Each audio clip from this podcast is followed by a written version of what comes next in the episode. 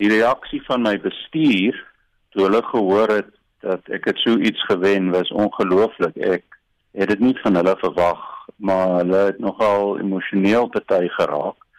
Ja, dis seker 'n nuwe hoogtepunt wat 'n mens bereik en dan wil jy sê jy wil jou nuwe doelwitte vir jouself stel, want jy wil nie teleurstel nie. En graag wil jy 'n bietjie terugploeg aan die gemeenskap. So dit beteken baie. Dankie. Die voorsitter van die Suid-Afrikaanse Landbouskrywers-vereniging, Magda de Tooy, sê hulle ontvang nominasies van landboujoernaliste landwyd. So hulle kom baie in die landbou met hierdie mense in aanraking. Dan sien hulle jy maar hier's 'n goeie boer of hierdie landboukundige staan uit bokant ander landboukundiges.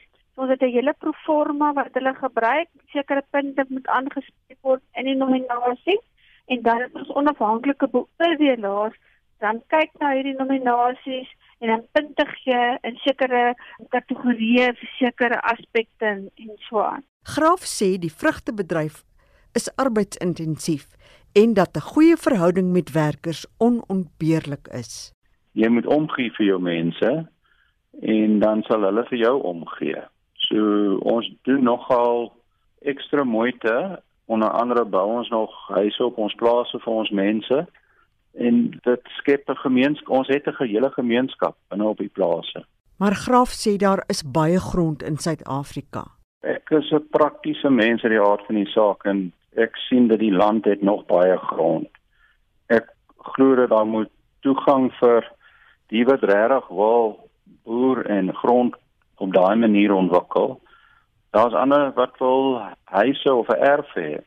So 'n mens moet gaan sit en uitwerk, maar grond is daar genoeg. Ek dink toegang tot finansies en die kundigheid om te boer, dis die beperking. As ons nie die banke agter ons het en as hulle nie kan eienaarskap van grond hê om lenings te gee, dan gaan ons groot probleme hê. Pieter Graaf was die nasionale kommersiële boer van die jaar soos aangewys deur die Suid-Afrikaanse Landbouskrywersvereniging. Die voorsitter, Magda de Tooy, sê die top kommersiële boer in KwaZulu-Natal was Miles van Deventer van Joseph Baines Estate. In Limpopo was dit Mahela boerdery. Dit is die Foster gesin. In Noordwes was dit Johan Steiger en in die Wes-Kaap was dit Pieter Graaf.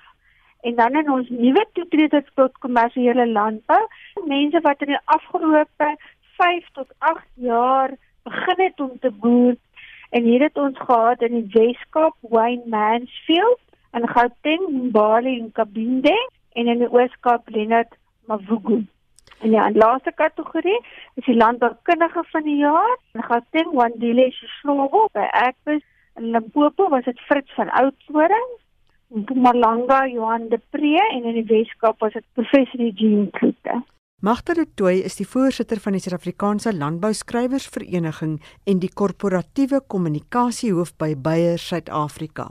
Mitsi van der Merwe, SAK nuus.